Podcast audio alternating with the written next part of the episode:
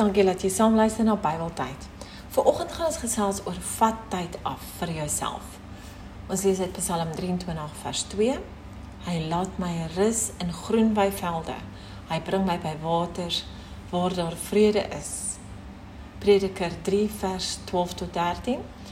Ek het tot die insig gekom dat daar vir 'n mens niks beter is nie as om vrolik te wees en die goeie van die lewe te geniet dat die mens kan eet en drink en onder al sy arbeid nog die goeie kan geniet.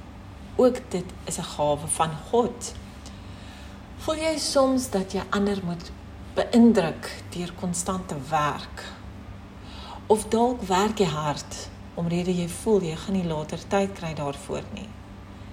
Gisteraand het ek 'n interessante video gekyk.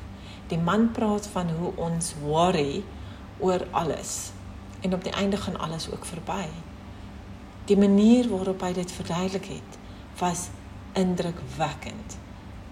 Ons voel gedruk deur samelewing om altyd net die beste voetjie voor te sit, om altyd net die beste te doen.